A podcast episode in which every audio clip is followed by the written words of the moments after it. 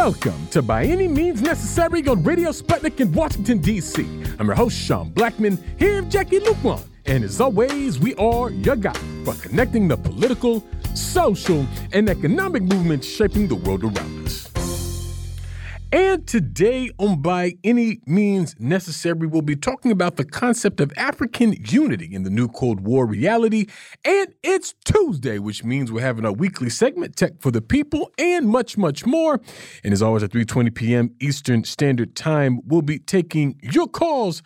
But before we can move on today, Jacquie, I, I wanted to mark the fact that, uh, of course, we just – commemorated Memorial Day. This is an annual uh, holiday here in the United States that uh, has become a kind of um, sort of catch-all day about uh, uh you know uh, celebrating and appreciating U.S. service members. But like a lot of holidays in the U.S., it's been completely bled dry of its real political substance. It's been robbed of its real history and context. And I don't think that's uh, an accident.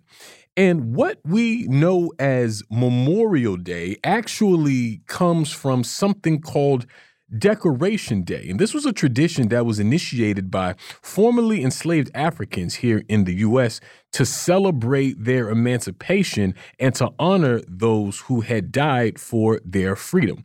And I want to read a little bit here uh, about this from a historian by the name of David Blight, who wrote, quote, during the final year of the war, the Confederates had converted the Planters Horse Track, the Washington Racecourse and Jockey Club, into an outdoor prison. Union soldiers were kept in horrible conditions in the interior of the track. At least 257 died of exposure and disease and were hastily buried in a mass grave behind the grandstand. Some 28 black workmen went to the site, reburied the Union dead properly, and built a high fence around the cemetery. They whitewashed the fence and built an archway over an entrance on which they inscribed the words, Martyrs of the Race Course. Then, black Charlestonians, in cooperations with white missionaries and teachers, staged an unforgettable parade of 10,000 people on the slaveholders' racecourse. The symbolic power of the low country planter aristocracy's horse track, where they had displayed their wealth, leisure, and influence, was not lost on the freed people. A New York Tribune correspondent witnessed the event, describing, quote, a procession of friends and mourners that South Carolina in the United States never saw before. At 9 a.m. on March 1st, the procession stepped off, led by 3,000 black schoolchildren carrying armloads of roses and singing John Brown's Body. The children were followed by several hundred black women with baskets of flowers, wreaths, and crosses. Then came black men marching in cadence, followed by contingents of Union infantry and other black and white citizens. As many as possible gathered in the cemetery enclosure, a children's choir sang, We'll rally around the flag, the Star Spangled Banner, and several spirituals before several black ministers read from Scripture.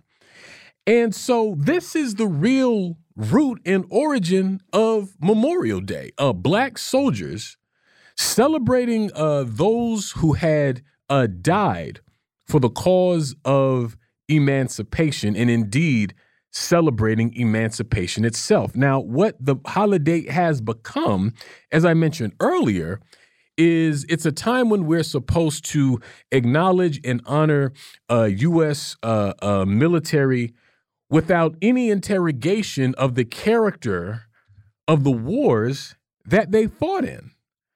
Uh, because you know, black people's involvement in the Civil War, of course, that was a, a national liberation struggle. But uh, when it comes to Memorial Day, you know, it doesn't matter whether you served in the Vietnam War, World War One, World War Two, uh, Korea, Afghanistan, uh, Iraq. It, it, it doesn't matter. We're, we're not supposed to consider the context or the substance of the wars and conflicts that these U.S. service people are involved in, we're just supposed to appreciate them for merely existing, even though I would argue that this government itself uh, does not support the troops, which is why I think they uh, tend to have a lot of issues when they come back here. But you know, uh, particularly in a moment like this, as we uh, talk a lot on the show, Jacquie, about this uh, far right assault on democratic rights that uh, has as a big aspect of it, of course, uh, open white supremacy and all manner of bigotry and discrimination, whether we're talking about against the LGBTQ folks, whether we're talking about women in general and all of these sorts of things. And so it it it I think shows how our own history can actually be taken from us.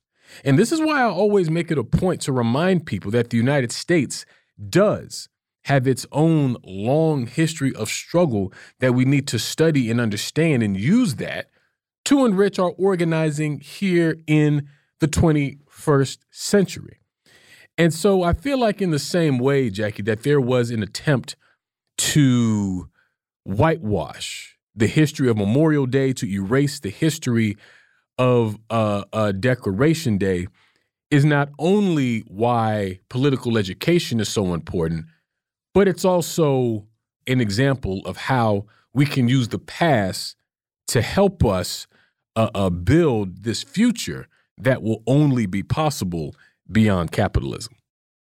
That's absolutely true, Sean. And I think it's worth noting that uh, uh, Dr. David Blight, who is the professor at uh, Yale University who uncovered uh, the origins of Decoration Day in Charleston, pointed out that this history of African Americans uh, and their origin of Memorial Day through Decoration Day was whitewashed by white Americans on both sides. Uh, and this was done as a part of this kind of reconciliation period after the Reconstruction period, uh, after the Civil War, where white Americans, many of them veterans, Union and Confederate veterans, worked together to seek this common ground on which they could unite and forget the pain and the loss of the war. So, this was something that white people decided to do to erase the actual contribution in the liberation struggle of African people in this country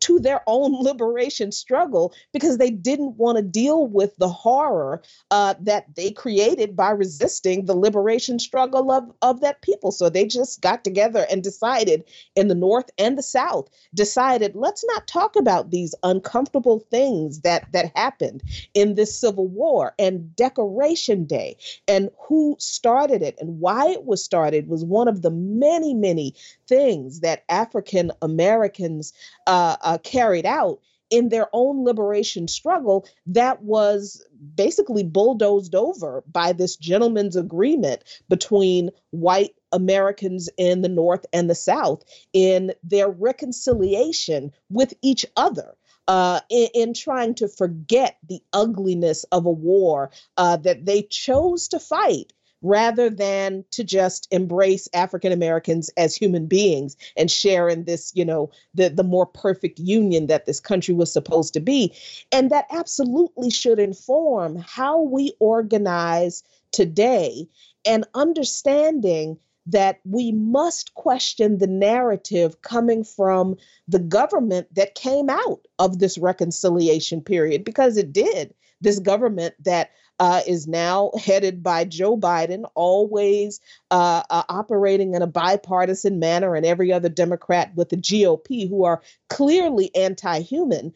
So I, I, do think, uh, and I agree with you, that we do have to continue to uh, raise these issues of uh, the liberation struggles of African people in this country and how those liberation struggles are ignored, dismissed, whitewashed and and you know just covered up by folks who would rather not talk about not just that they happen but why they happen so that we don't realize we have a rich history uh, to build on right here in this country sean yeah, absolutely, and I and I want to also note that you know Memorial Day, even in the U.S., the day on March uh, May thirtieth, has its own sort of a history of struggle. I mean, on May 30th, uh, 1937, I mean, that day saw uh, police in Chicago attack a, a Memorial Day gathering of unarmed steel workers and their families as the steel workers were striking. The police shot and killed 10 of the strikers. So again, we have a group of unarmed striking steelworkers and their family just gathered uh, for a Memorial Day uh, celebration, uh, shot and killed by police, attacked by police, with 10 of them uh, killed as a result. And uh, this is why we note on the show all the time when we talk about the character of the police in uh, a capitalist system and how they're wielded as a tool of political dissent and how they've always been weaponized to disrupt workers' struggles, police and uh, uh, vigilantes, often working at behest at the at the behest of the bosses. And this, I think, is uh, quite relevant given how the uh, uh, different labor struggles here in the U.S. have been unfolding. I mean, it really does feel like we're in a, a period of heightened uh, labor militancy in the United States. And, you know, uh, labor history in the United States is something that is really not well understood, even though, you know, things that we enjoy and maybe even take for granted, like uh, the 40 hour work week and unemployment insurance and all these sorts of things, were a direct result of uh, struggles that, you know, uh, and, and rights that were bought in blood. You know, people were brutalized and killed and uh, and harassed and all of these sorts of things. I mean, having the might of both the bosses and the state brought down upon your head simply because you're fighting for your rights as a working person in this country.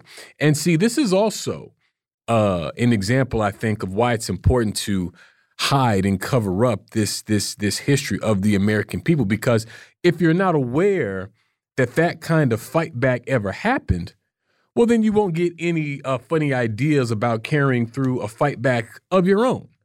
Whether that fight would be at the workplace, whether it will be at school, whether it's against uh, racism or uh, sexism or any of these pressing issues happening uh, today and that have been for some time, we're not supposed to think, feel, or know that there is something that we can actually do about it, that there is something that we can do to actually seize the time and take our destiny into our own hands. We're always supposed to think that the bosses are too powerful, that the corporations are too powerful, that the ruling class is too powerful, or that this capitalist state is too powerful.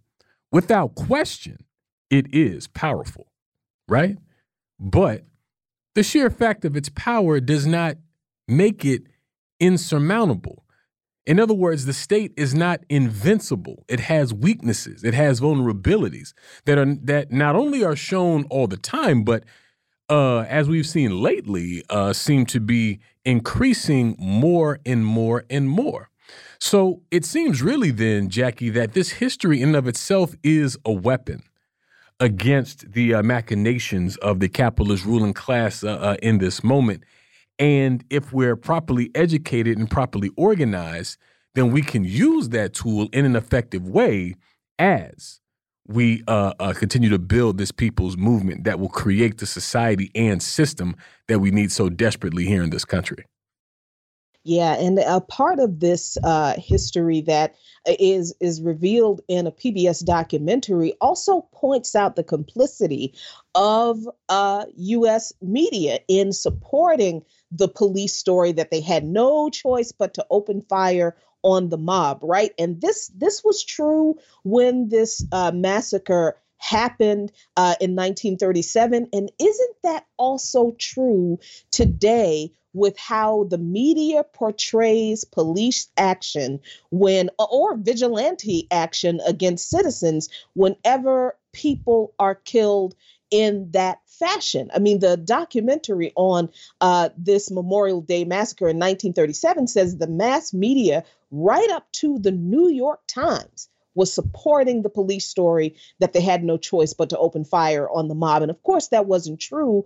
And as we're organizing against the very same police violence against uh, protests against workers uh, and vigilante violence against uh, just you know working people and poor people we certainly do need to take into account and realize that as we're struggling against the law enforcement arm of the state and even the deputized uh, uh, members of the state in vigilantes carrying out violence against uh, working class, poor, and oppressed people who are organizing for better, we also need to understand that the media has historically not been on the side of the people. And as we look at this history, Sean, we have to see that time and time again, the media has been the propaganda arm of the state, waging a war against the people, trying to win over uh, uh, the population, reading that media on the side of the bosses.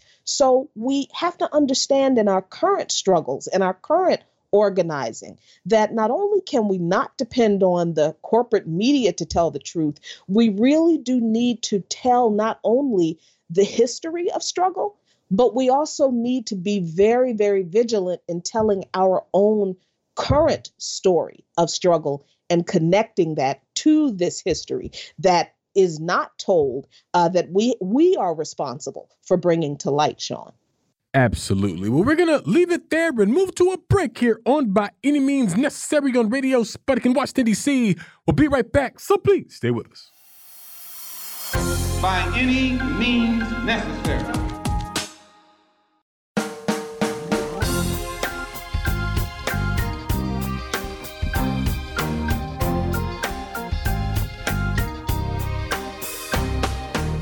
Welcome back to By Any Means Necessary on Radio Sputnik in Washington, D.C. I'm your host, Sean Blackmon, here with Jacquie Luqman. And as always, we are your guide for connecting the political, social, and economic movements shaping the world around us. And today we're talking about African unity and geopolitics. And we're happy to be joined for this conversation today by Abayomi Azikiwe, the editor of the Pan African News Wire. Abayomi, thanks so much for joining us. Okay, you're very much welcome. Absolutely. And uh, Abayomi, uh, here recently, of course, we've marked the annual uh, African Liberation Day, which uh, not only sort of uh, uh marks the founding of the Organization of African Unity, but is uh, also seen as a kind of a celebration of the revolutionary uh, anti colonial struggles throughout the African continent and diaspora. And I think it's important to talk about the concept of African unity, given the dynamics of what some see as an um, a new emerging world order, uh, a dispensation in uh, geopolitics where uh, U.S uh, imperial uh, unipolar hegemony is uh, uh replaced with uh, uh, a different sort of more cooperative kind of arrangement amongst nations. And it seems like we're seeing the seeds for this at least planted in a number of different ways. And the African continent, I think, is crucially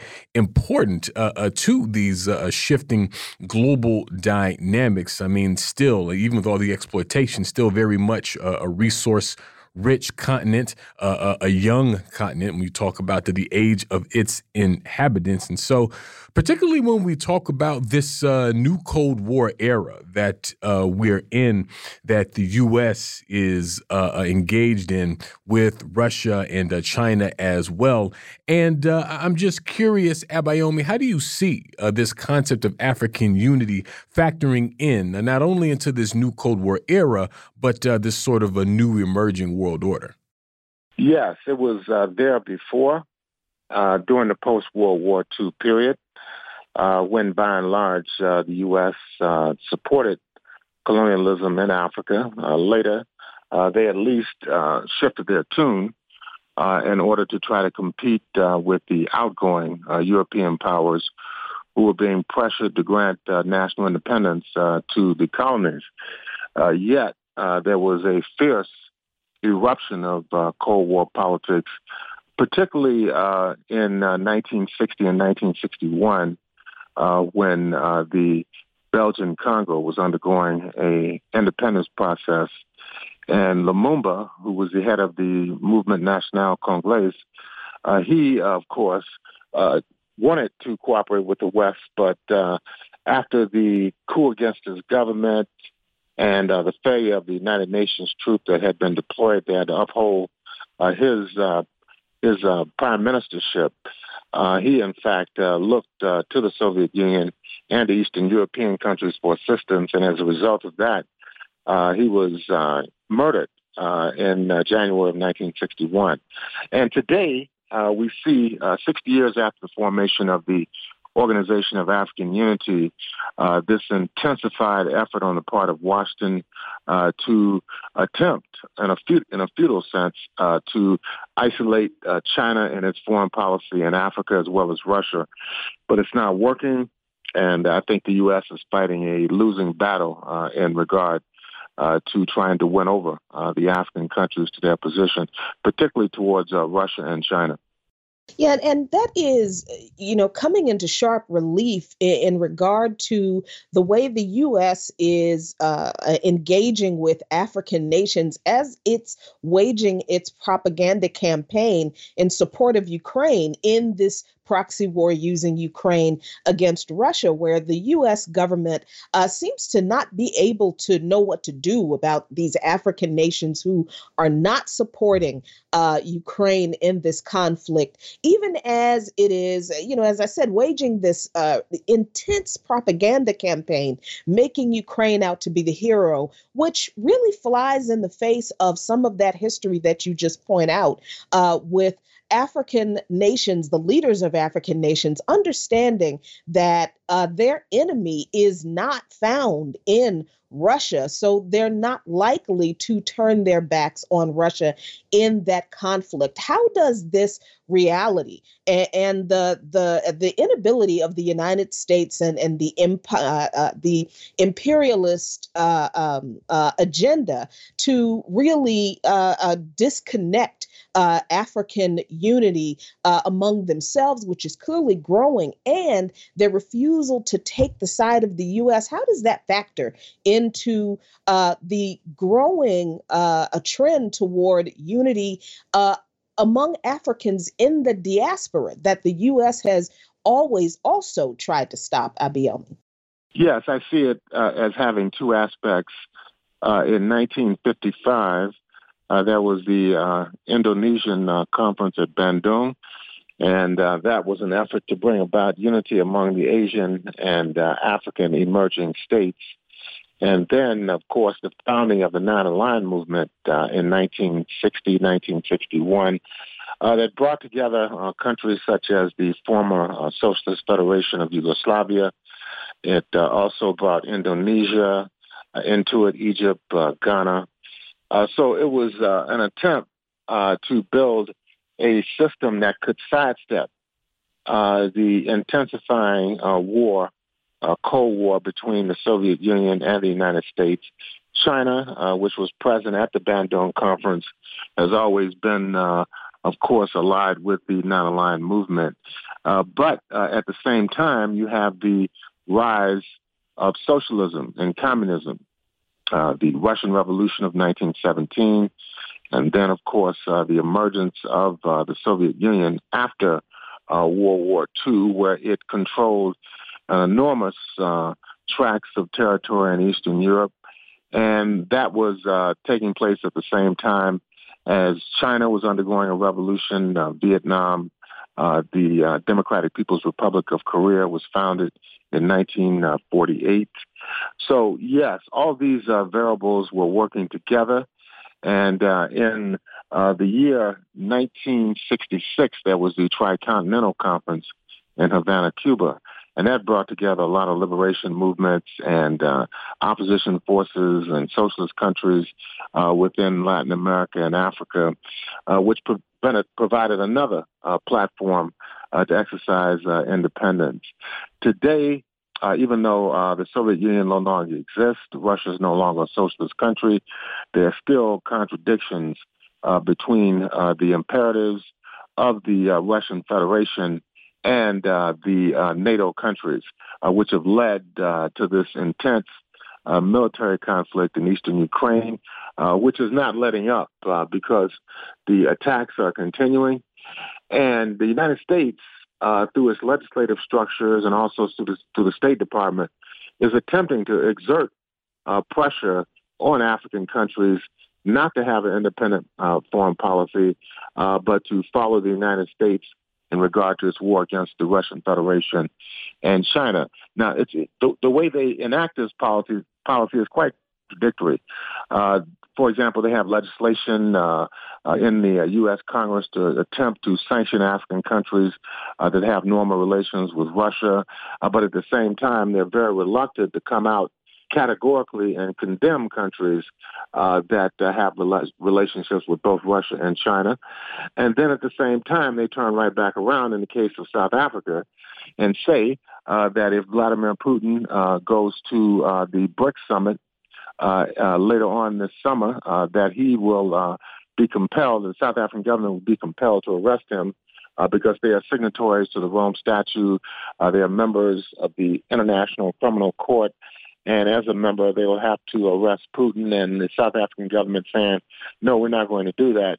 Uh, so, and at the same time, the U.S. ambassador to South Africa accused the South African government of selling arms to Russia uh, just uh, uh, a couple of weeks ago, which has caused uh, tremendous tensions as well. So I think the United States does not have a clear policy at this point. Uh, their aims and objectives are still based upon global hegemony, but they have to figure out how to approach uh, African countries, Latin American countries, Asian Pacific countries, uh, because they don't want to totally isolate them uh, completely. Uh, so I think they're really uh, uh, grappling at this point to try to figure out a, a, a consistent line uh, towards uh, this burgeoning Cold War, uh, with where we see Russia and China on the one hand, and U.S. Uh, imperialism on the other, and NATO. Yeah, definitely. And on that note, uh, Abayomi, when we talk about African unity, I wanted to discuss the consequences of African disunity, given there's these uh, same uh, uh, developments that we're discussing, and about how the ongoing uh, underdevelopment and disunity of the African continent really strengthens the hand of imperialism in a way. Yeah, it always has. And even when the Organization of African Unity was formed, which is the uh, predecessor to the uh, African Union, uh, the OAU was formed in 1963. The African Union uh, was formed uh, in 2002, uh, nearly uh, 40 years later. And what we see at this point is looking back, there was already a division in 1963 between the so-called Casablanca group, which was the anti-imperialist states, which represented a minority even by 1963, and the so-called Monrovia group, uh, which was much more uh, moderate or conservative in regard to their domestic and foreign policy. So the OAU, uh, from its inception, represented a compromise between two different political trajectories uh, in the independent African states.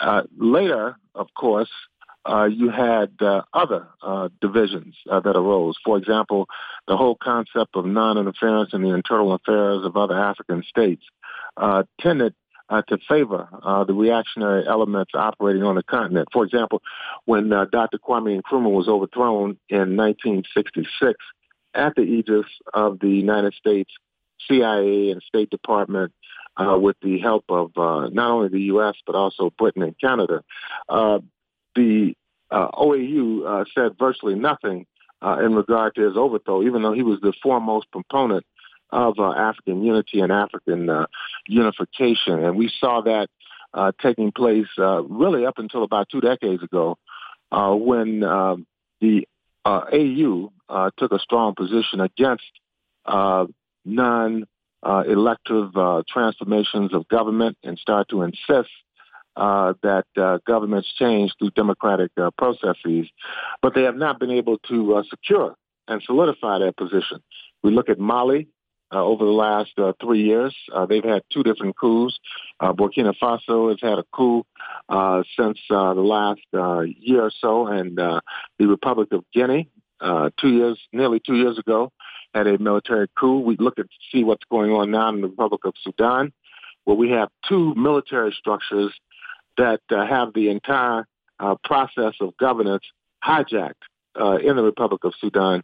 Yet uh, the negotiations and the mediation is taking place uh, not uh, in uh, Juba, uh, in the Republic of South Sudan, where the president there, Salva Kiir, offered to mediate. It's taking place in Jeddah, uh, the Red Sea port in Saudi Arabia. And we know Saudi Arabia has been supporting the military in the Republic of Sudan for a number of years. So there's still a struggle to be waged to win the authority and the unity of the African Union in order to deal uh, with these internal crises, a lot of which are, are prompted uh, by imperialist uh, intervention.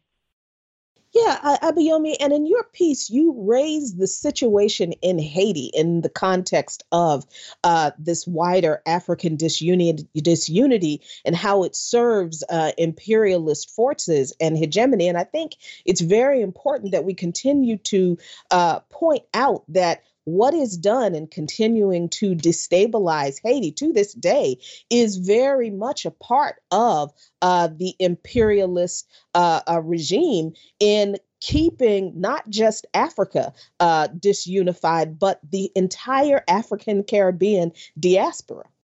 Most definitely. And uh, if we go back and reread uh, C.L.R. James' book, uh, The Black Jacobins uh, from 1938.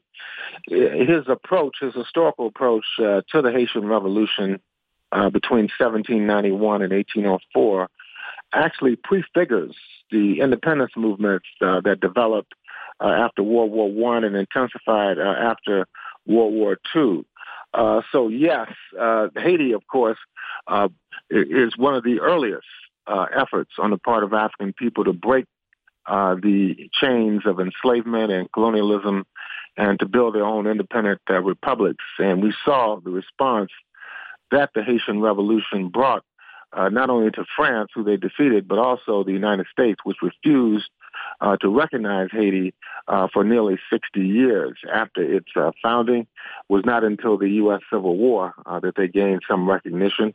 And even after that, uh, there was a, a system uh, that sought to blockade and dominate Haiti. And eventually, there was an actual occupation that lasted nearly two decades between 1915 1934 and the 1950s. They imposed the Papa Doc Duvalier uh, regime, upheld it uh, for almost three decades. And today, uh, you still have a U.S. Uh, military presence in Haiti. Uh, Ariel Henry, uh, who is the president now, who took over after the assassination of Jovenel Moise, is requesting further U.S. military occupation of Haiti. So it has not let up uh, over uh, the last uh, 200 and nearly uh, 20 years. Uh, so this is very similar to what is going on in Sudan. It's very similar to what's going on in the African continent. Yet at the same time, the AU has offered um, representation uh, to the CARICOM countries, to Haiti, and also to Africans in North America. It's just a question of us organizing and, and unifying to the point where we can make uh, effective, uh, make an effective uh, approach uh, to joining uh, the African Union or even federating to the African Union. We've been a much stronger position politically outside of Africa as well as inside the African continent. Yeah, and on that note, uh, Abayomi, speaking specifically of the U.S. context, I mean, there are reactionary elements uh, amongst Africans here in this country that, I mean, not only sort of rejects um, an African identity, but rejects any kind of political or cultural or any other kind of uh, connection or relationship to the rest of the African world. I mean, what I'm describing is fundamentally uh, a nativist sort of uh, element among some Africans here. And so, um, and talking about really building toward African unity, how do we resist uh, these kinds of uh, backward tendencies that I think uh, serve as a threat to this liberation struggle we're describing?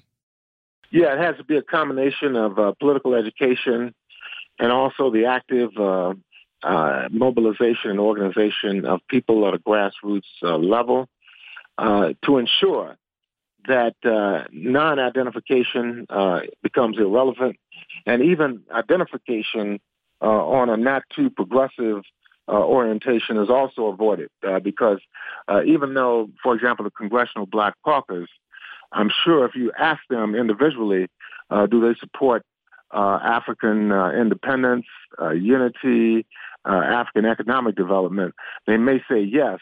But when you ask them uh, in terms of a non-interference policy uh, towards AU member states, uh, it would become very ambivalent. And some of them have even gone along, uh, for example, being co-sponsors of the bill, uh, the anti-Russia bill in the U.S. Congress. In fact, South African President Thabo Mbeki had a requested a meeting with them when he came to the United States last fall. Uh, he campaigned against that bill uh, and, in the U.S. Congress, and that has not, as of now, passed the uh, U.S. Senate. So perhaps uh, his his uh, lobbying was somewhat effective.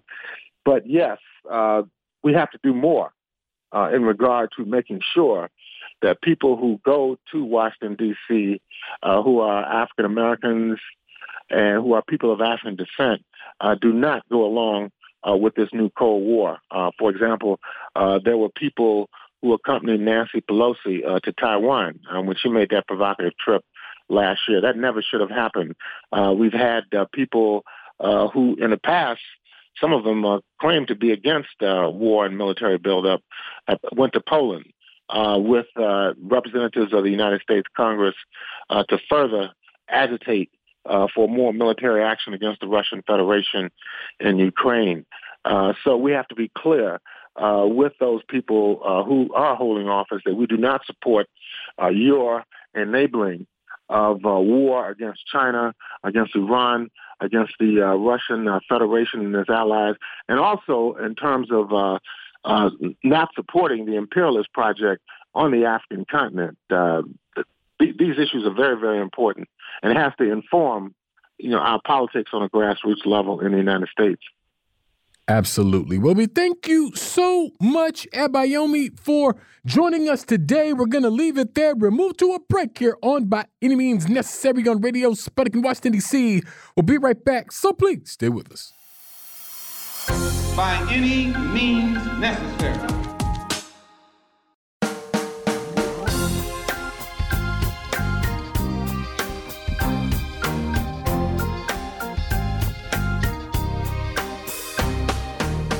Welcome back to By Any Means Necessary on Radio Sputnik in Washington, D.C.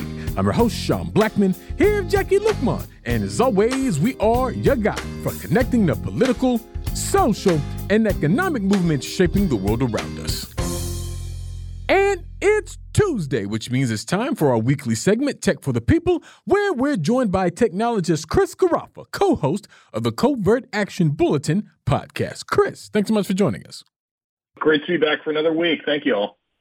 Absolutely, absolutely. And Chris, uh, here recently we've seen Sam uh, Altman, the uh, CEO of OpenAI, uh, urging lawmakers the world over to basically uh, come up with new uh, governing regulations around the AI technology, saying that the company may leave the European Union if it's, quote, over regulated. help us understand what's happening here and why Altman is acting in this way? Well, this is so, so interesting because we had a few weeks ago Sam Altman in front of a uh, congressional subcommittee uh, where they were lauding him and just they they loved him so much, and they were asking him questions about AI, and he was, you know, the quintessential American business person who's bringing, you know, freedom and democracy and innovation and all those, you know, fancy buzzwords that, that Congress loves to throw out there. Uh, and he's saying, yes, you know, certainly we need regulations. Uh, we're happy to. Then these are the key words, right? He says, we're happy to help write those regulations, which is similar to what Mark Zuckerberg and other tech giants have said, and it happens in every industry. They want to write their own regulation. They basically want to say, here are the rules that we are willing to play by, which really means here are the rules that are acceptable enough to our bottom line not the rules that are actually going to make a difference or change anything. And so we had that happen a couple weeks ago. And then we have uh, Altman in Europe, where they actually have some stronger or proposed stronger regulations around uh, transparency, safety, data governance, meaning you know who can do what with your data, who can have it, uh, and all of that. Uh, and he turns, Altman turns around and basically says, "We'll just entirely pull out of the EU market if you try to regulate us, uh, because you know they aren't letting him and his uh, fellow AI, you know, people write the regulations themselves. Uh, in fact, we have a Dutch member of the European Parliament, Kim van Sparrentak, who's a member of the GroenLinks party, which is a, a coalition of left left wing Dutch parties, who actually, you know, basically went out and said. Uh, that the EU Parliament shouldn't let ourselves be blackmailed by American companies, which, I mean, very true. They absolutely should not. So we've got, on the one hand, Altman in the U.S. telling Congress, let, you know, let us write and let us define what regulations you can put on us. And then we've got the EU actually trying to put some decent regulation on artificial intelligence and these LLMs, these uh, large language mod- mod- models. Uh, and he's saying, well, we can't work with that. We, you know, that that'll be too, you know, too harmful to our bottom line. We then get to this morning, Tuesday the 30th, and the um, Center for AI Safety, which uh, which he supports, put out a statement, and I'm going to read this statement because it's bizarre and only one sentence long.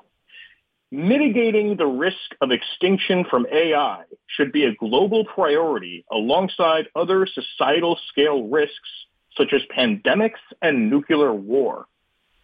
And so this is getting a lot of attention. This one word statement, there's a 350 signatories on it that there some of them are engineers, academics, researchers, and, and also executives like Sam Altman. Uh, and again, this is from the Center for AI Safety.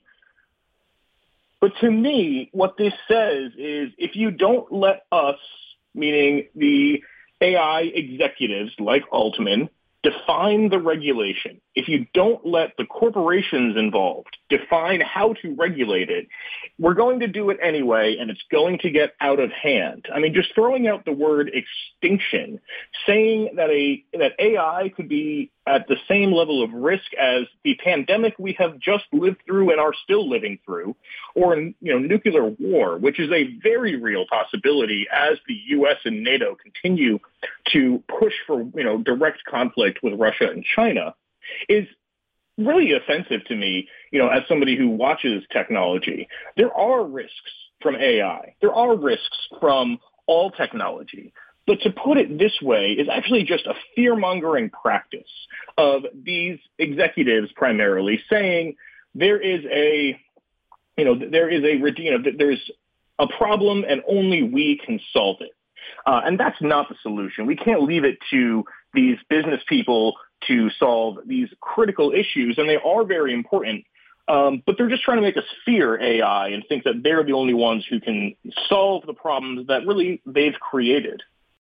Yeah, Chris, and I think it's interesting that one of the sticking points that uh, CEOs uh, uh, like Altman uh, are up in arms about is the regulation that the EU lawmakers have added uh, that require them to disclose any copyrighted material used to train its systems. I to me this seems like a really kind of benign regulation. I mean if the material is copyrighted, you shouldn't you should disclose that you're using copyrighted material, but but why is this in particular such a a you know a, a line in the sand, a bridge too far for folks uh, like Altman?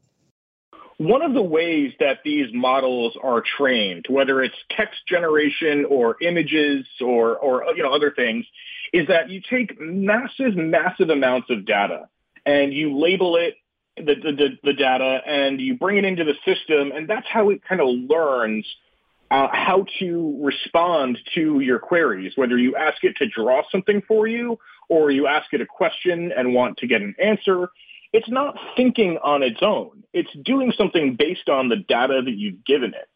And this has primarily been an issue, uh, the, the question of copyright uh, for the AI that generates art was, you know, if you're putting photography, illustrations, uh, anything into it, does somebody own the copyright on that material? And the answer is probably yes. Um, and then what is the what are the repercussions of that legally of creating of using that to train your model? And there are a number of you know very interesting legal questions that that you can get into with this kind of thing. But the basic idea is well, does the artist has the artist given consent for this private company to use their works in such a way? And if you can't even say we have used certain bits of copyrighted material, even under fair use, to train a system, then it shows that you're not particularly interested in the cultural and, and work and impact that the works that you're using had. You're actually only interested in the financial output uh, that you're getting from it. Yeah, and uh, switching gears a, a, little bit, Chris, it's all it's also being reported that the National Eating Disorder Association has uh, disbanded its long-running telephone helpline, firing the uh, human staff that ran the helpline, and effective June 1st, will be replacing them with uh, an AI-powered chatbot named Tessa. Now, uh, that to me just sort of sounds worrisome on its face, as these kinds of helplines can be an important resource for people struggling with uh, any number of issues. But I mean, uh, what's happening with this issue with the NEDA, and uh, what do you see as the potential impacts? Yeah, this is you know a really unfortunate situation, uh, but I think it it shows the the reality of what kind of threat AI does play. The threat that AI plays is, uh, to workers is that bosses, whether you're at a nonprofit or not, doesn't really matter. Uh, bosses will try to reduce uh, labor costs at all costs, down to getting rid of the entire hotline that they've used uh, and replacing it with a chatbot. So it's not that AI suddenly woke up one day and said, we're going to have a hotline and you can only chat with me. You can't talk to a real person. It's that actual people. The, the bosses at this organization said, we're going to cut our costs and be, quote, more efficient and get rid of the actual humans who are speaking to the people who need support with their eating disorders. Um, I, ha- I, have experience in, in this field, having run the technology for a, a national, actually international hotline in the past. And I never would have imagined saying, well, we need to save money as a nonprofit, therefore let's get rid of the hotline staff and replace it with a chatbot. That re- removes the entire reason for a hotline or a help service like this to, to exist is to speak to another human being who can provide you resources, who can hear what you're saying and just say, hey, you know, are you okay? Do you need support? Uh, or just to be there, to be there and listen to you, which is what many people who are in various levels or stages of crisis need. So this this move by the National Eating Disorder Association is is shameful. And it's going to harm not just the workers who have lost their jobs. And they've already said, by the way, that they were they were not set up well to manage the number of calls that they needed.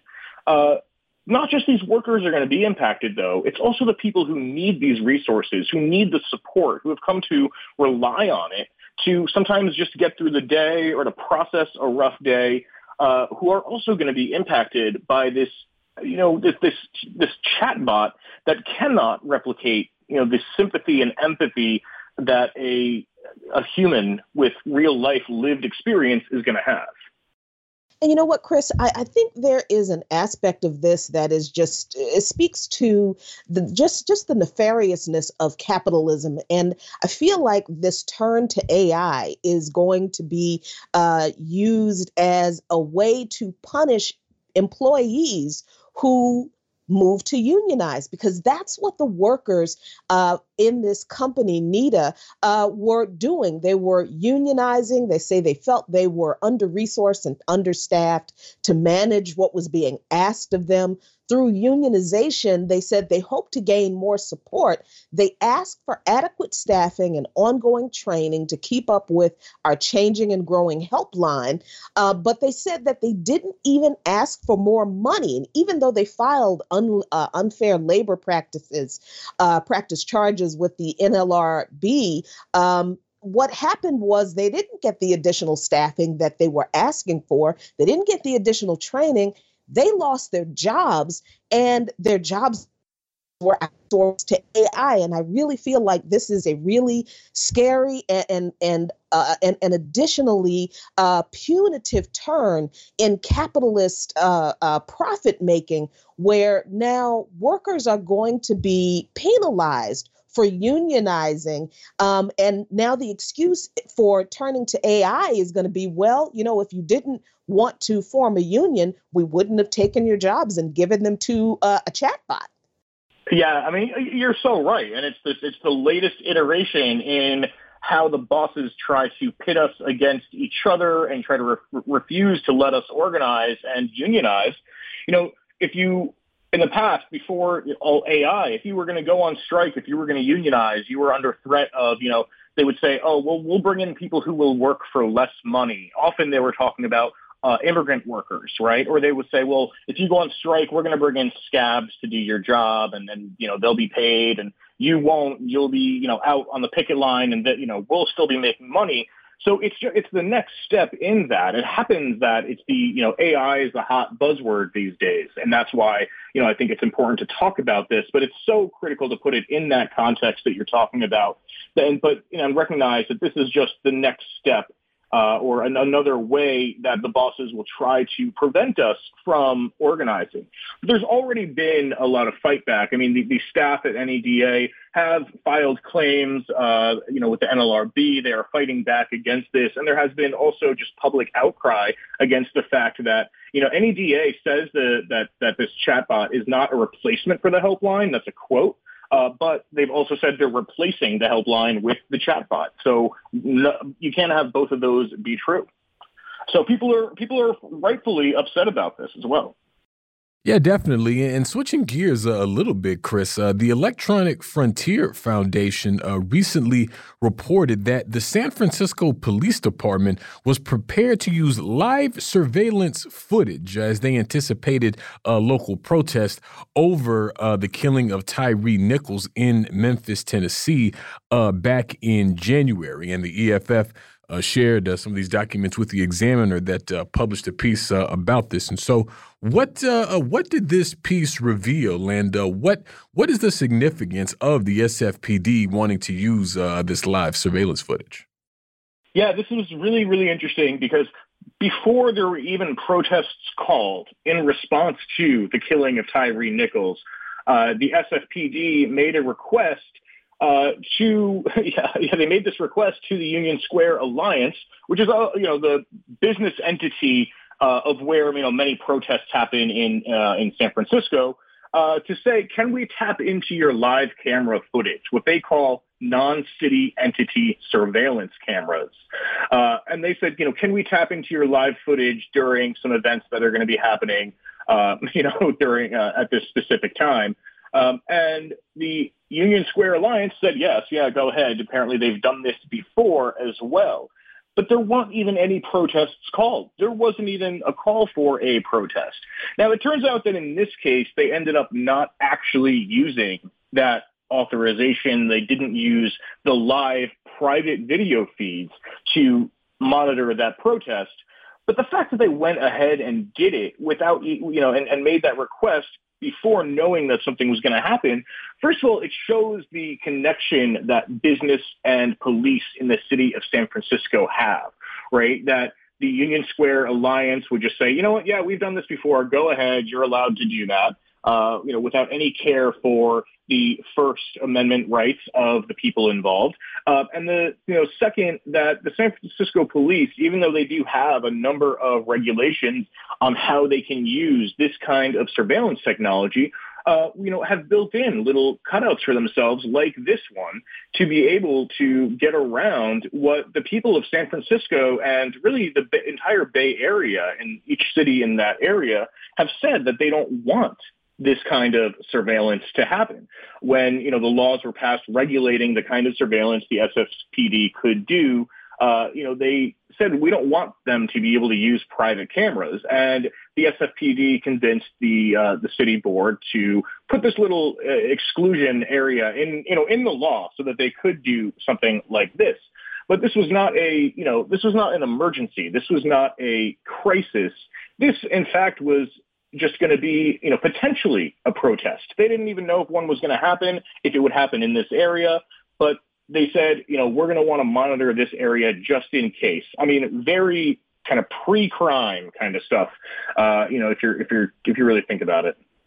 Yeah, I definitely hope that the Union Square Alliance gets a lot more scrutiny and heat from the citizens who don't want this kind of surveillance, since they very easily gave up access to uh, their cameras to the uh, SFPD, Chris. Yeah, exactly. And this is a business alliance. The Union Square Alliance is a business alliance. And if you you know, if you see there's been a lot of, you know, press about San Francisco and drug use and crime and things like that, you know, in San Francisco. And the Union Square Alliance, along with the SFPD, are continuing to use those things to say, you know, those those experiences to say, well, we need more policing, we need more surveillance. Uh, but then look at what the police actually do when they have the right to surveil. They surveil protest. They surveil protest that they think is going to happen. It shows us that we can't cede ground in these struggles for our First and Fourth Amendment rights. Absolutely. Well, we thank you so much, Chris, for joining us today. We're going to leave it there. We're moved to a break here on By Any Means Necessary on Radio Sputnik in Washington, D.C. We'll be right back, so please stay with us. By any means necessary.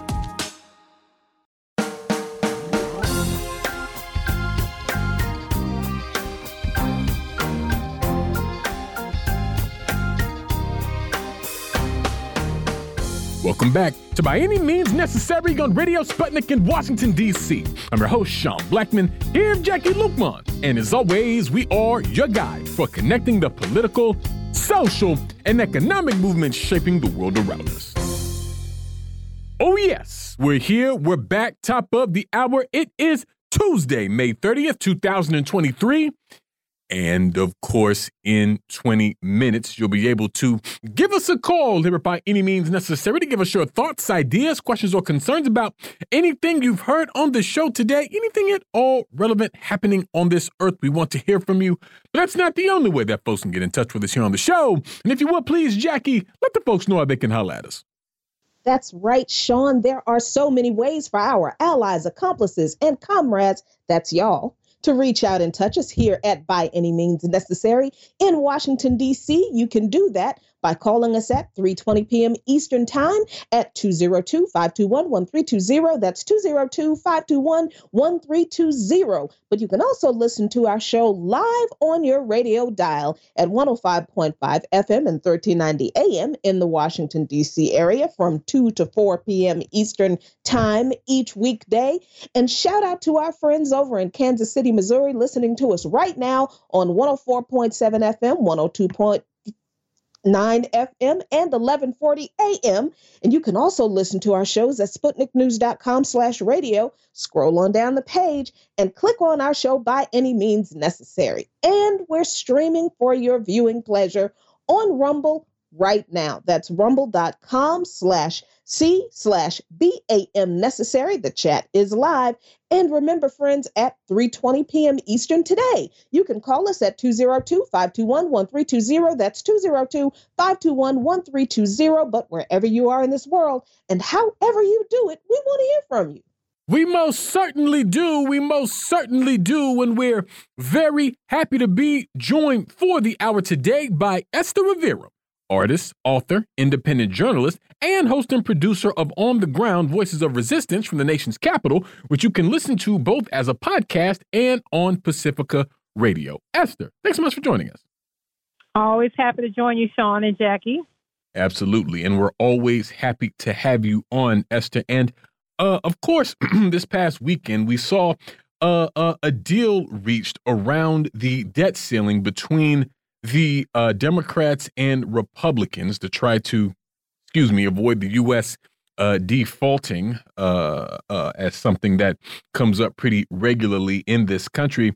And uh, a part of that deal included new work requirements for uh, what some people call SNAP benefits or the Supplemental Nutrition Assistance Program. And according to reports, this uh, uh, would expand food stamp access for uh, homeless people, young adults transitioning out of the foster care system, veterans, and more. But uh, I do wonder what uh, some of the real potential impacts for this may be. And so I am curious, Esther, what are your thoughts on this whole uh, SNAP benefits aspect of the debt ceiling deal? And who do you think stands to be impacted here?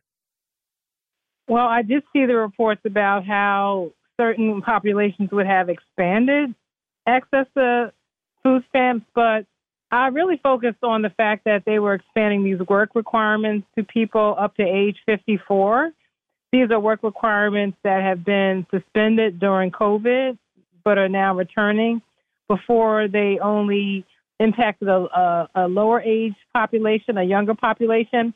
But the fact that you'll have people up to age 54 thrown into this cauldron of either seeking work, seeking training at uh, a point in their lives where they may be uh, increasingly disabled. Um, you know, I mean, I know people hearing this who are 54, they're like, no, I'm able bodied, you know, don't call me old. But it's, it's, we do have a larger uh, portion of that population that if even if they are physically able to work, they're suffering from age discrimination. They're suffering from a job market that doesn't value the skills that they have, that do- doesn't have the capacity to absorb them as workers.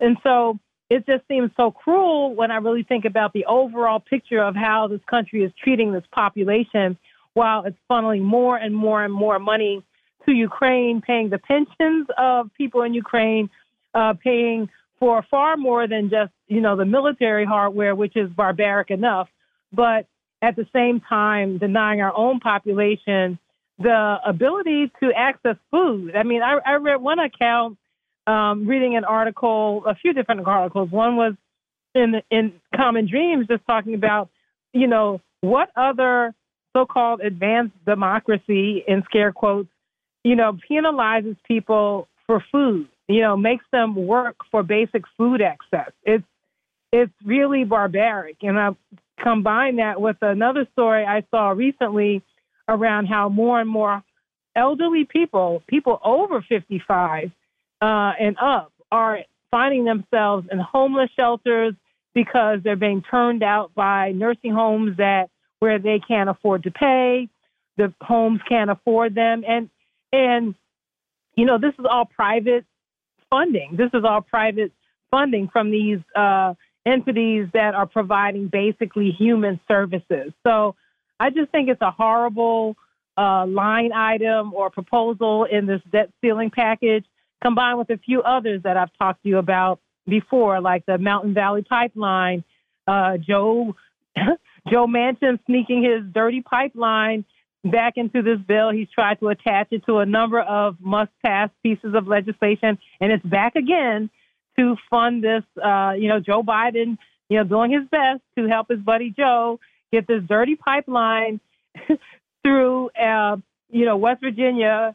You know, it, hasn't been past permitting processes. It's totally unnecessary. Another, you know, carbon bomb for the envir- environment.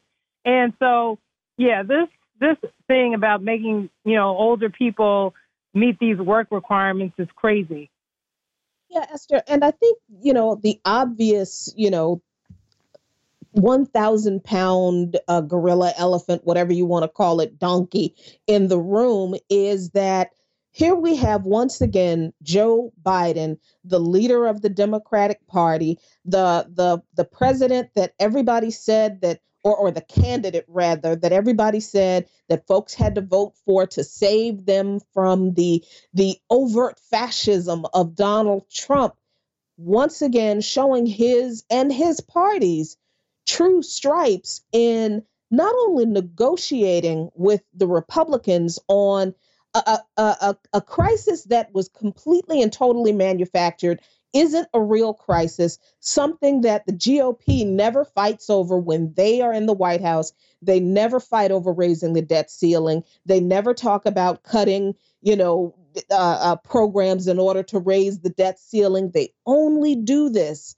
when Democrats are in the White House and because they know the Democrats will go right along with cutting social spending in an environment in which they can't really get away with cutting this kind of social spending in this way when they are in power. And to me, Esther, this I think makes Joe Biden and the Democrats look as fascist and evil once again as the GOP clearly are. Because, I mean, obviously, if you're going to negotiate with domestic terrorists, but you're going to give the domestic terrorists everything they want, doesn't that make you a, a domestic terrorist too?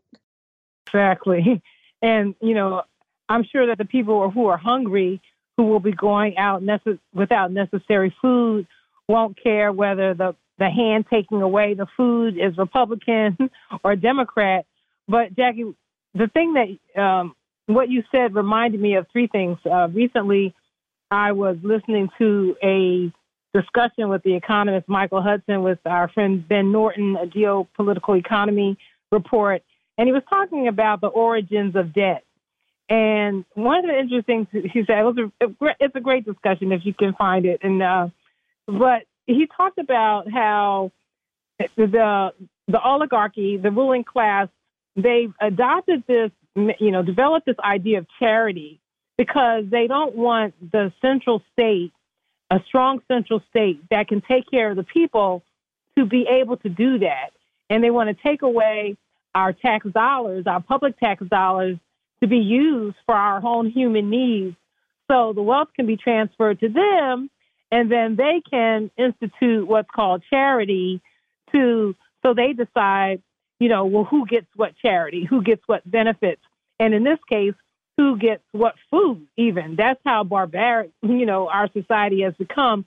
When you think about the food, fact that food banks are still, you know, having this tremendous need shown, you know, ever since uh, before the pandemic, it exploded during the pandemic. And I don't know uh, if you see them where you are, but you know, in my regular travels, I still see people lined up for food, giving out, getting free food. Um, whether I'm in the car, whether I'm walking around, there are different locations where people are still getting uh, access to free food because they need it. And the fact that we are more and more develop, devolving into a society where basic human needs like food is a function of charities as opposed to our tax dollars being used to meet those needs, whether it's food, right now we're talking about. We know that public housing has been decimated. We know that, so we're talking about food, we're talking about housing, we're talking about, you know, jobs, and all these things being decimated while there's no discussion in this whole debt circus about taking away the Trump tax credits, right? Taking away these uh, tax credits that are really ballooning the debt by trillions of dollars, you know, right? So that's that's what it kind of made me think about. I was also looking at a, uh, e- email from our revolution, that's Bernie Sanders group, and they're talking about ending medical debt. They said ending medical debt is crucial to stopping America's fast decline into a fascist oligarchy.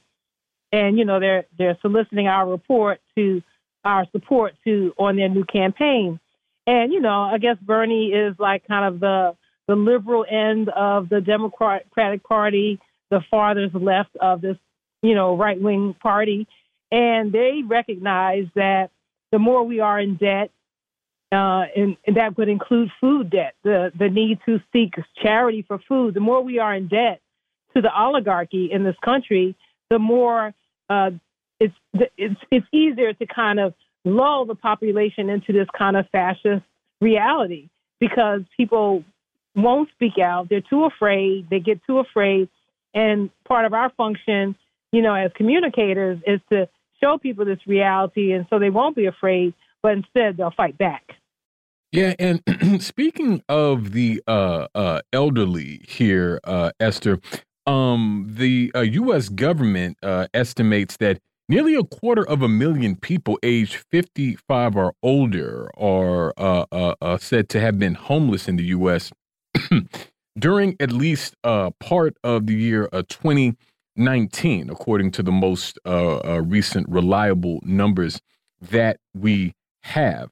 And uh, uh, according to an uh, article by the Washington Post, uh, uh, homeless advocates in different parts of the country, particularly in many big cities, are saying that they're seeing a big spike in uh, elderly people who are coming into homeless shelters and things like this. And I feel like this is really indicative of uh, uh, conditions here in the U.S. because when we talk about the elderly, we're talking about a particularly uh, vulnerable uh, uh, segment of the population. I mean, they, uh, you know, have particular health concerns and things like that.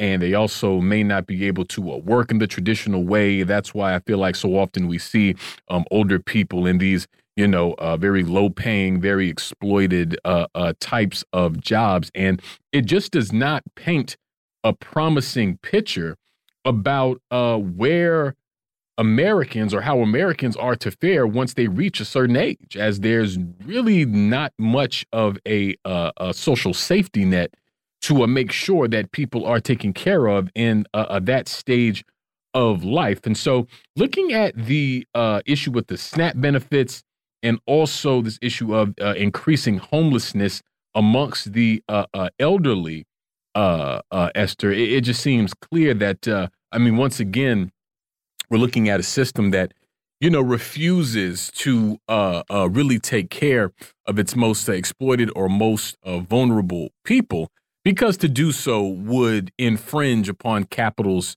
ability to maximize profit. But when we see this amongst the elderly, I, I just think it reflects uh, very poorly on uh, a country that claims to care so much about uh, human rights and things like this. You know what I mean?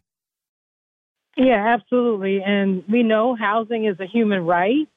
And I think that in this country, I mean, we kind of grew up believing that if you worked hard, if you, you know, did what you were supposed to, got an education, whatever, that you would basically kind of being you would be able to take care of yourself. And then when you weren't able to take care of yourself the society being the richest country on the planet or whatever the figure is now there were enough resources here for you to be taken care of whether it's through social security or medicare. Um, we know that you know a social security livelihood is not a, a plush one yet most of our seniors, a good proportion of the seniors, I don't know the exact figure, that's their only income, right? And we know that the Medicaid or Medicare programs are being manipulated so that they're trying to funnel, they have tried to funnel more and more people into these private Advantage Plus programs, which are just ripping ripping people off.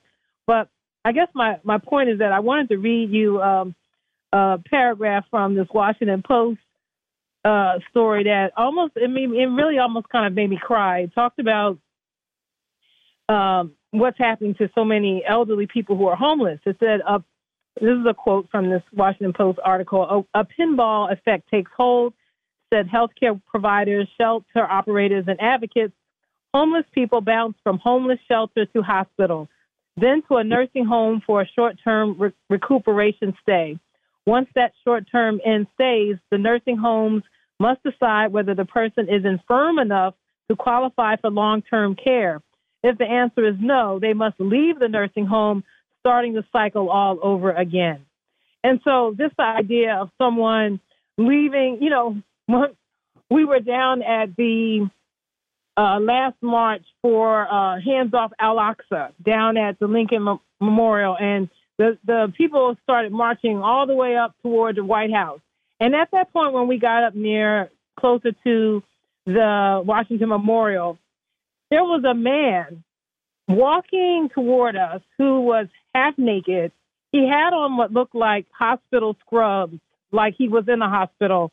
His pants were half down. You could see his private areas in the front and in the back. He was holding him up his pants in the front so he would try to maintain some modesty. But in the back, you know, his backside was all out. And he, he had no shoes on. And it looked like someone who had just been pushed out of a nursing home. I was just like, I, at that point, you know, I had marched enough. I had taken enough pictures and video that I was ready to go home anyway. And the sight of him just really took the wind out of me. And it made me think about what this article is talking about that you have a lot of people pushed out, pushed out of nursing homes. I mean, where are they going to go? Um, they're on this treadmill, treadmill because uh, uh, the system isn't isn't set up for human needs. It's set up for profit, and then the public sector of that isn't isn't set up to cover a person's well-being, um, regardless of their condition. Um, it, it isn't it isn't set up to provide a home, a housing for an elderly person who is isn't able to care for themselves and who doesn't have a home, and that's just so it's it's heartbreaking. For sure. Well, we're going to move to our first break of the hour on that note here on By Any Means Necessary on Radio Sputnik in Washington, D.C. We'll be right back, so please stay with us. By any means necessary.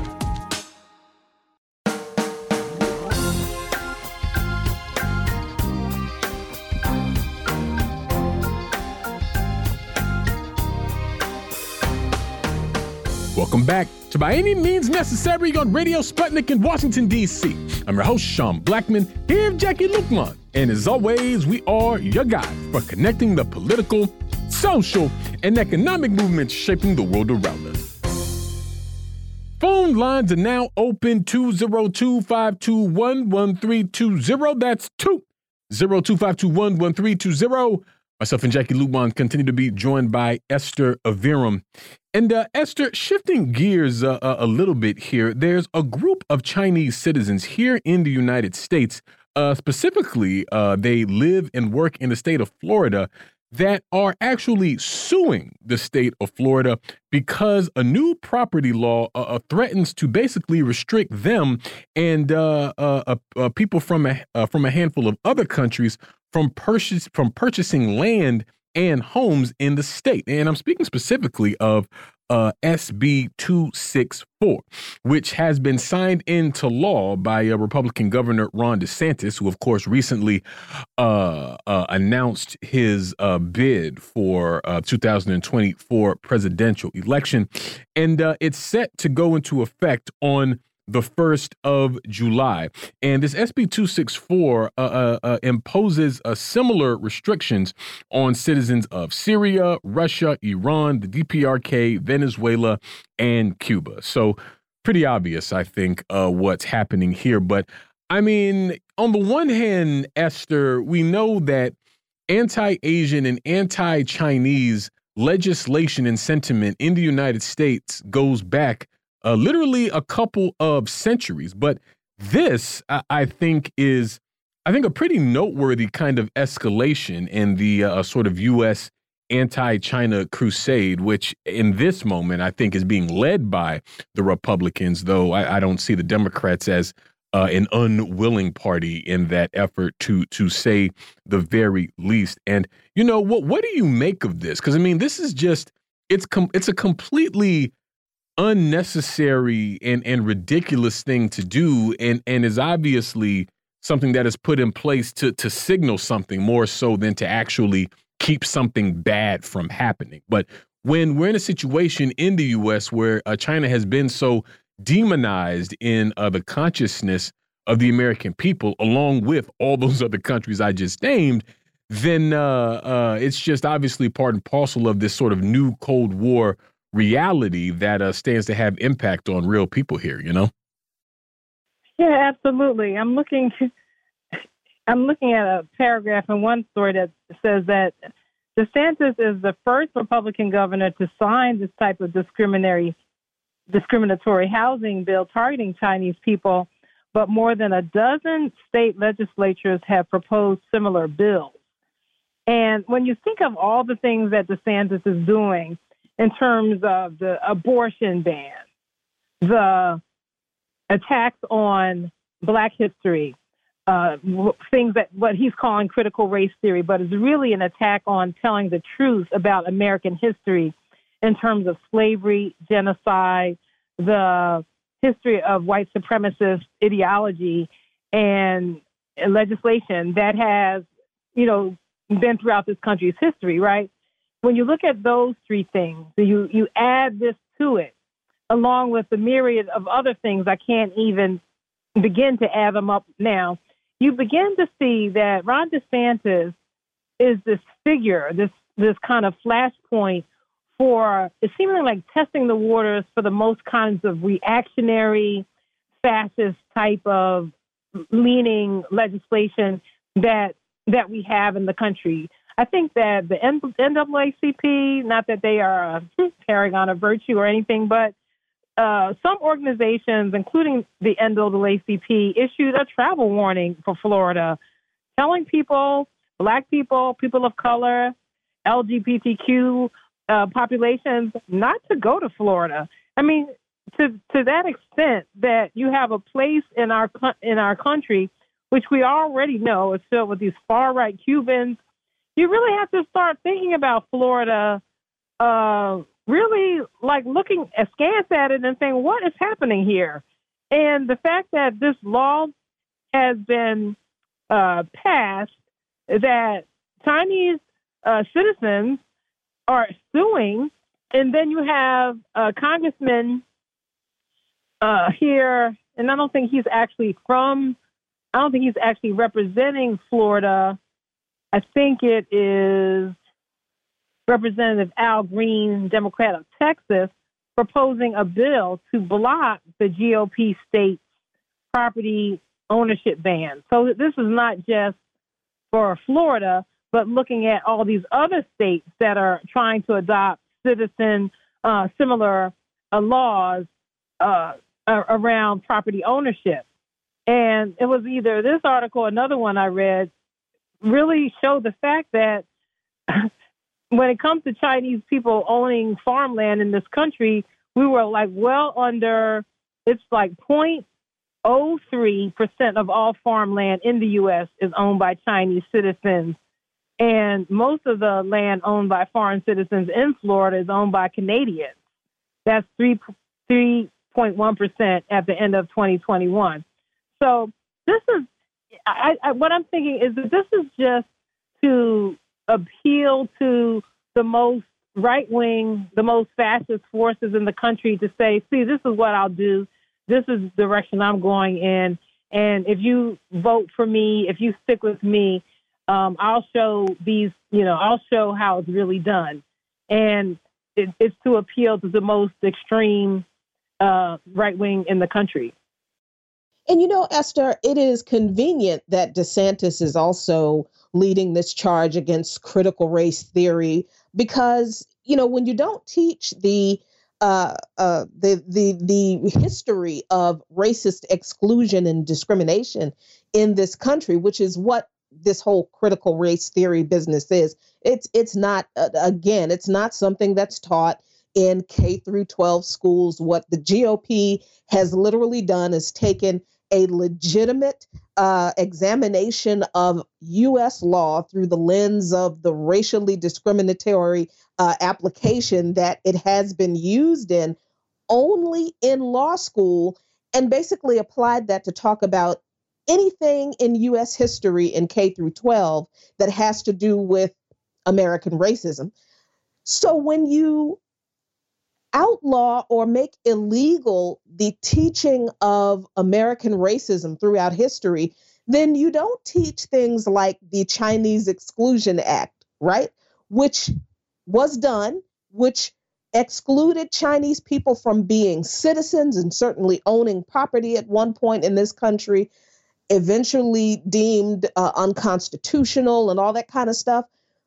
But but when you don't teach that in school in K through 12 public school, and you know your goal really is to defend public schools so that uh, American students don't learn these things, then they don't have the historical frame of reference of the Chinese Exclusion Act to look at what DeSantis is doing now and say, oh, he's just doing what America did in the past once again. Absolutely. And I was trying to quickly find out, find some figures, not only in terms of the, the Chinese Exclusion Act, but the fact that during Japanese internment during World War II, so many uh, Japanese Americans were basically stripped of their land. Right. They were forced to fi- to sell their homes, their farmland, their businesses at pennies on the dollar, mainly to the benefit of white people here in this country, uh, people who were very predatory toward the Japanese and and and descended on their possessions and their their land and their farmland like vultures.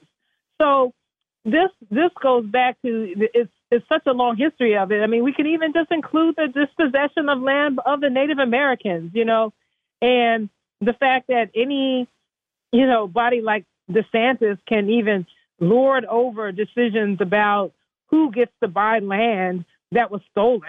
you know, it's kind of ridiculous. so let's just say something, nothing on stolen land, right? Especially no no illegal illegal types of amendments or laws like this. It's just ridiculous.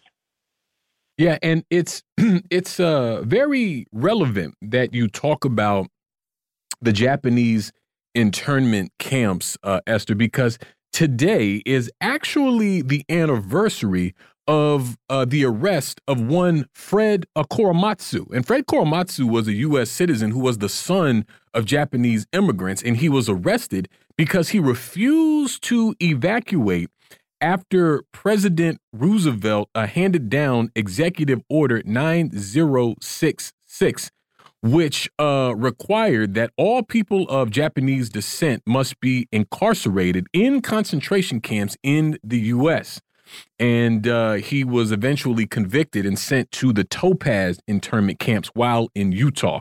Uh, or that's in Utah. Uh, later on, he would be uh, uh, represented by one Ernest uh, Besig of the ACLU of Northern California. And basically, the premise of their lawsuit was that Korematsu's constitutional rights had been violated and that he had experienced racial discrimination. The court ruled against him on this, and he was sentenced to five years probation, which is insane because his constitutional rights very clearly were violated, and he absolutely was uh, the victim of racial discrimination, along with every other Japanese American that was uh, uh, subject to this. And it really, it, it, it and even knowing what I, we know about American history and what we know about the United States as a country, it still just blows my mind that there was actually a uh, executive order that was handed down that ordered the incarceration of a specific ethnic group in the United States, all because of uh, wartime fears of Japan during that period. Now, of course, when you consider that this is the same country that was responsible for uh, genocide of the indigenous people, enslavement of Africans, and so much more, it doesn't seem uh, uh, that far fetched. But I mean, considering that, again, this is the country that holds itself up as the ultimate example of upright nationhood. And yet it carries through with uh, things like this. And so uh, uh I think that this is uh, absolutely relevant when when we discuss this ongoing threat. And this is what I always raise, um, Esther, on a related note about all of this anti China sentiment and this new Cold War against China that the U.S. is hell bent on pursuing, trying to turn it into a hot war. That's why all of the you know officials visiting Taiwan, the ongoing sending of weapons to Taiwan, it's all to try to agitate China into uh, an open military conflict, which could, uh, similar to a war with Russia, have devastating impact on life on this planet as we know it. But people got to realize that this uh this saber rattling with China, all this anti-China sentiment, these kinds of moves like DeSantis has pulled and this ridiculous House committee on uh, the Chinese Communist Party. This is what paves the way for uh, uh, attacks like these internment camps. Just these straight up uh, uh fascist sort of uh, developments and actions like the Japanese internment camps. It's not out of the question, I think, when one takes note of the aggressiveness of uh, anti China sentiment in the United States. And so I feel like this is what we here in the US should really be paying attention to when we talk about these things, uh, uh, uh, Esther, because it it it's deeper than just one reactionary trying to you know uh, shine himself up to run for president. Certainly, that's an aspect of it, but we're talking about something that could potentially have ripple effects for many many people in this country if uh, we're not careful. You know what I mean? Yeah, absolutely. You you there's only a short leap from this type of let's call it what it is. This is like this is fascist legislation. What what else do you call it? I mean, there's a short leap from that to the types of laws we've seen, probably in Florida. I have to see if they're one of the states, but we've seen it in. I'm pretty sure they're one of the states that have made it illegal to boycott Israel, that have made it illegal basically to support the human rights of Palestinian people.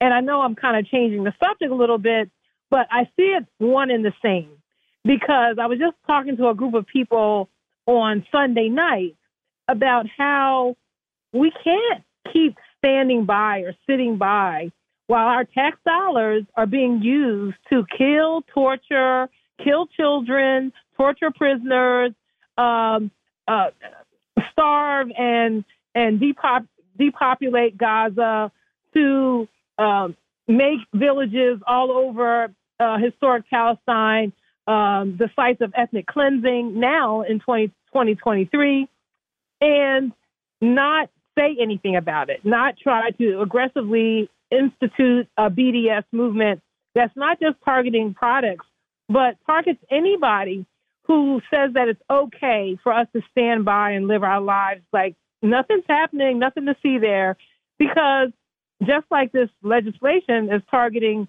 Chinese people right here, targeting Japanese people right here, Syrians, Iranians right here, our inaction makes it normalizes. It normalizes uh, the treatment, the dehumanization, the genocide of Palestinian people.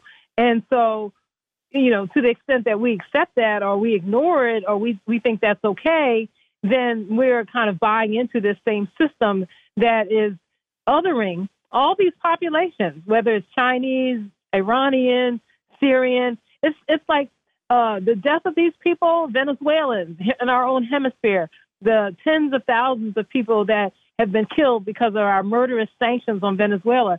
To the extent that we allow these types of laws to exist and not comment on them, to the extent that we allow our tax dollars to go to this genocidal regime in Israel, killing Palestinians, torturing them, killing children, uh, you know, you know, razing entire villages, you know, burning down schools, you know, to the extent that we do not say something about this and treat it as the emergency it is, you know, we are complicit. We're complicit in in normalizing these things and and othering other people, dehumanizing them like they don't matter. Jacquie Luqman, your thoughts? Yeah, and I, I think it it strikes me how too often, as in history, which is why you have to study history to understand what's going on now. You know, we use the cover of the hatred of these countries' governments, which, you know, when we understand the propaganda from this country's governments, against those countries' governments, we recognize, well, or at least we should, that a lot of the reasons we're told to hate these governments are just foolish. It's just, you know, based on nothing, you know, lies made up by the US government out of whole cloth. If not, uh, you, you, know, so much hypocrisy that whatever criticism uh, US officials have of other countries' governments, just it's just ridiculous on its face. But the fact that people are so comfortable with dismissing the US government uh, demonizing and taking away the rights of and discriminating against people from these countries because they hate the countries uh, that this government tells people to hate. I, I, I just that's just really not lost on me, and I think we need to be really careful that we are not once again repeating the history that Americans and other folks in fascist empires uh, uh, already went along with that created uh, uh the the wholesale. I'm just going to say it, genocide of people uh, that we've seen already. Uh, we are on the path to doing that because we we kind of don't care that certain people are being uh, discriminated against because the country they come from is evil and wants to destroy the United States, and that that's a really dangerous, dangerous, uh, um, you know, way way for us to be thinking, uh, Esther. Yeah, I mean, even I'm sure that Russian people are on this list uh, for DeSantis. They have to go back and see the laundry list of banned people that he has on this legislation. And I want to call it just his. I mean, a legislature passed this, right? The filled with many people, you know, other than DeSantis. And remember the beginning of the uh, Russian military operation in Ukraine, the the U.S. proxy war there. There were all these bans on Russians. There was like even a ban on Russian cats, like you know, taking them out of the the select or kind of like special breed category of the, you know, what International Association of Cats or something. You know, the there was this discrimination against the athletes in at the China, China Olympics. You know, the Olympic Games held in China. There were all this, you know, people. I don't know, pouring out Russian vodka or well, it was just kind of like a ridiculous type of thing. But what we're talking about here is it gets more serious when you have someone like Lindsey Graham I think saying recently talking about, well, you know, dead Russians is worth the cost or something. Uh, some really terrible statement, which I think uh, put him in the crosshairs of Russia, who said that, you know, uh, issued some type of arrest warrant for him. Because we can't have this type of loose language that, that targets people, their ethnicity, their race, because that is, you know, the the the boogaboo, right, for Western civilization, because they had what is known as the Holocaust. It is, uh, you know, not even mentioning that, you know, far more people were killed in the bombing of Hiroshima and Nagasaki, right? Those those lives aren't counted as far as a Holocaust, you know, which which it was, and which it was also a major war crime, you know, maybe the largest war crime in history. So, yeah, I mean, absolutely, just just uh, and and and you know, you you said something very important about being careful. But the thing is, people aren't being careful right now, right? Even on mainstream media, you see the most outrageous statements being made that are just uh, ginning up, you know, and you know, going up the escalation ladder, not down the escalation ladder in terms of demonizing other people.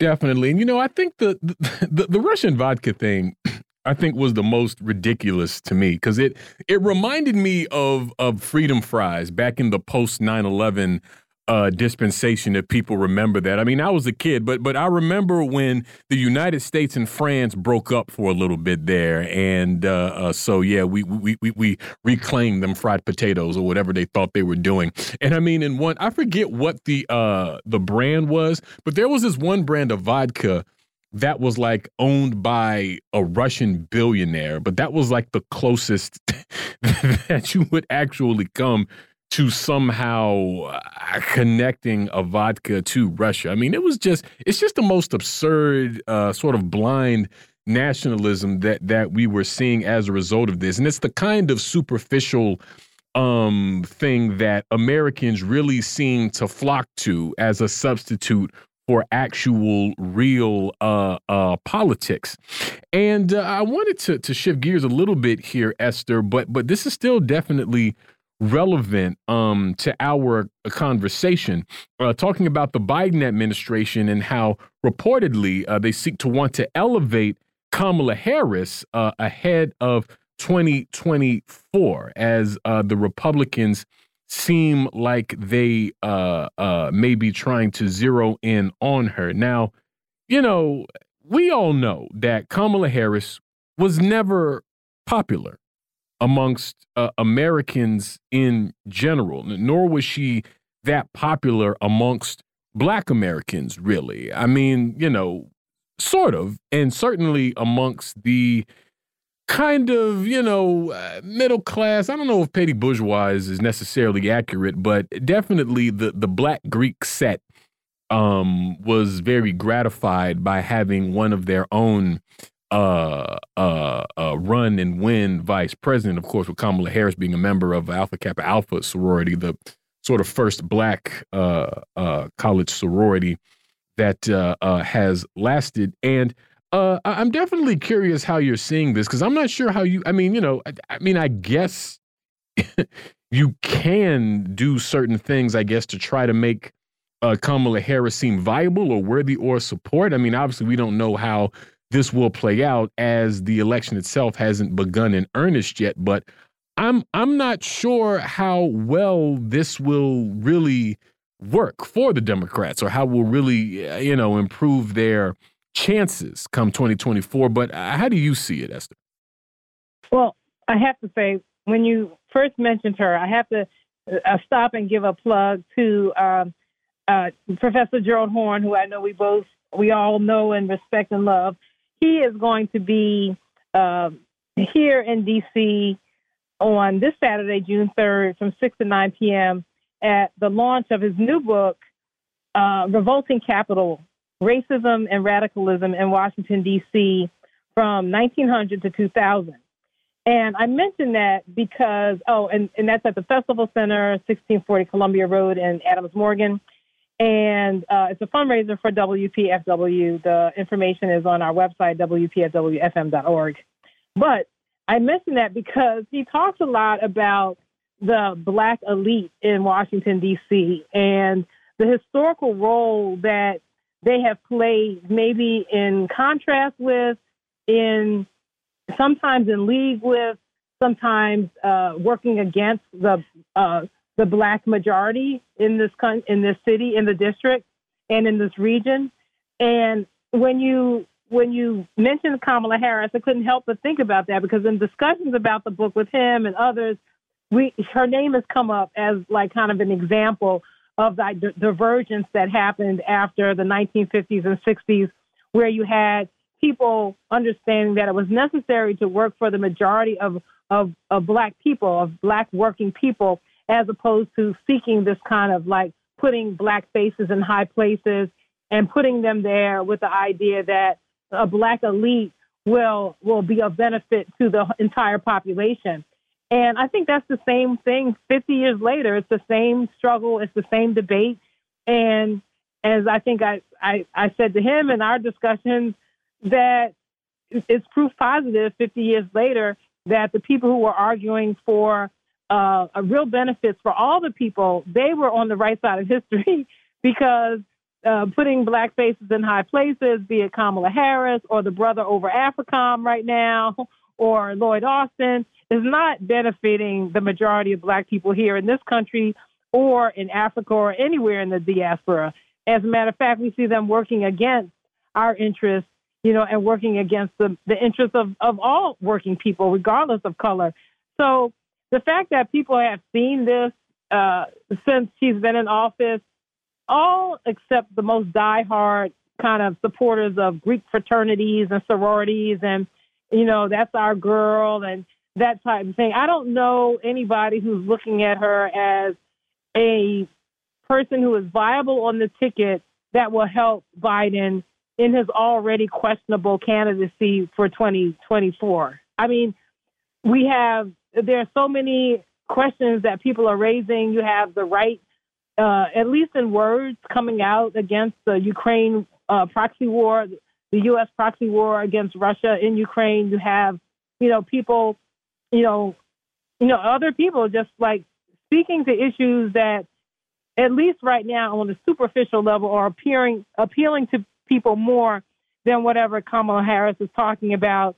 You know, as she goes around the world uh, speaking up for U.S. empire and not showing herself to be a leader that that uh, black and brown people can count on to articulate our particular uh, needs you know, as well as the needs of most uh, people in this country right now. I mean, uh, we are on such a perilous path in terms of this war in Ukraine, and you, as we were just talking about for most of this hour, how our funds for human needs are not being spent here, but are being sent abroad, while we're being, you know, given all these platitudes about democracy and and la la la. So I don't know. I I'd like to hear what you all say about Kamala because I just I don't see any I don't see any there there. I don't I haven't seen anything. You know, show me. Show me something.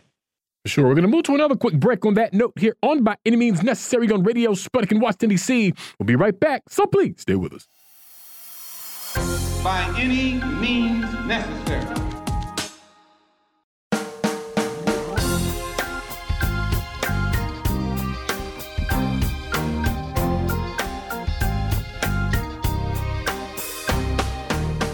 Welcome back to By Any Means Necessary on Radio Sputnik in Washington, D.C.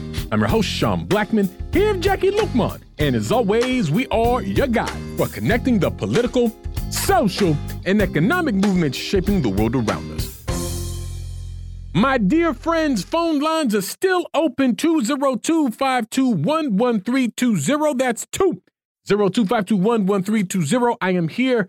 Jacquie Luke Luqman is here. Esther Iverem is here. And uh, Esther, we left off with you. Uh, we were talking about Kamala Harris and how the Biden administration uh, seems to really want the American people to see her as legitimate and that uh, uh, someone that is worthy of their support along with him in the upcoming 2024 presidential elections here in the United States. And you said you felt like there was no there there. And I tend to agree. I mean, I, you know, Kamala Harris is just, um, she's just a space filler. She, she checks a box. And I've said this before on the show that Kamala Harris serves the same purpose for Joe Biden as Joe Biden served for Barack Obama. They were both put in place to try to shore up elements of the Democrat voter base that maybe wasn't excited or is otherwise afraid of the presidential candidate. So in the case of Barack Obama, Joe Biden was brought in basically to uh, assuage the concerns of uh, older white racist liberals who uh, uh, weren't comfortable with the idea of uh, a young black man as the president of the United States, even if he was, you know, every bit as much of an imperialist war criminal as any white president. And similarly, uh, Kamala Harris was necessary for uh, Joe Biden because uh, he needed to make sure that you know black people uh, uh, you know maintained their support for the Democrat Party. It doesn't matter uh, whether or not this person has any real credibility or base with black people. Barack Obama didn't either. And uh, black people overwhelmingly uh, supported him because of his aspiring message. And so for me, it just feels it just feels like pandering. It just feels like very a very transparent effort of the Democrats dangling this black person and say, "Well, you have to vote for us because we have this black person. You all say that you care about racism. We're not going to like do anything about it really." But we'll give you this person that maybe you can feel good about, even if we're not even sure what she's doing on a day-to-day basis. And like this is this is like just i mean as ridiculous as that sounds i mean when you get to the substance of how the democrats sort of use and, and really kind of tokenize uh kamala harris although she's very down with that is is just pretty wild. And i could go on and on esther but that's just sort of how i see uh, uh kamala's role here. And beyond purely representational politics i just don't see much substance Right. You know, the, the I think it was probably was on Instagram or Facebook. The People's Party put out this uh, graphic uh, with a number of women um, ranging from you know white to brown to black I think depicted is supposed to be Kamala Harris and Jill Biden, Jill Biden in the middle holding up their hands like together. And on the brown side is like the young poet who did the inaugural poet and Michelle Obama on the other side. I'm not sure who those folks are supposed to be. But anyway, it says ha ha F the poor, but they don't say F. They actually use uh, the expletive. And then at the bottom, they have all these people holding up their plates who are kind of under their feet, like the poor, kind of under their feet.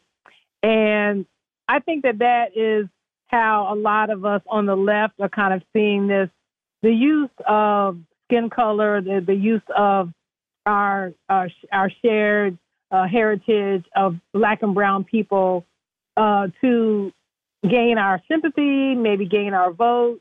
But it's kind of tired at this point. Everything after post Obama, I think people are a lot smarter than that. People are a lot more more educated about how it's about policy and it's about how uh, these same policies that we've been talking about for this whole hour, how we're treating our poor, how are we treating the hungry, how are we treating the homeless, you know, how well, what is the society doing with its natural resources, our tax dollars, for our human needs, as opposed to sending into another proxy war or, you know, to to agitate for another war halfway across the world.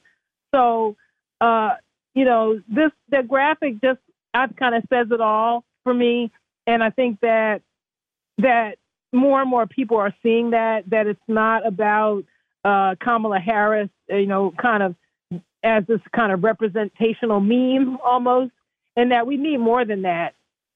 I'm not really sure if the Biden administration or the people running his campaign realize that, but I think that the sentiment I see and hear from people around the country, even from around the world at this point, because we're moving to a multipolar space where we see more people understanding the links and the solidarity needed for those of us here in this hemisphere and even through within this hemisphere to Africa, to Asia, to parts of Europe, to, you know, to uh, throughout the globe to uh, for survival, we need to fight the hegemony, the oligarchy of the this global ruling class that will just basically be like the people in this graphic, just under underfoot, you know, holding up their plates for food, and you know, holding up their jugs for to try to get clean water.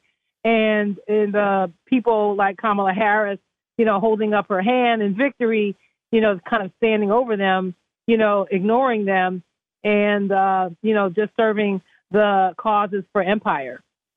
For sure. For sure. Well, we want to thank you so much, Esther, for joining us today. We're going to leave it there for today here on By Any Means Necessary on Radio Sputnik and Washington, D.C. Be back tomorrow with an all new episode. So, as always, we'll see you next time. Peace by any means necessary.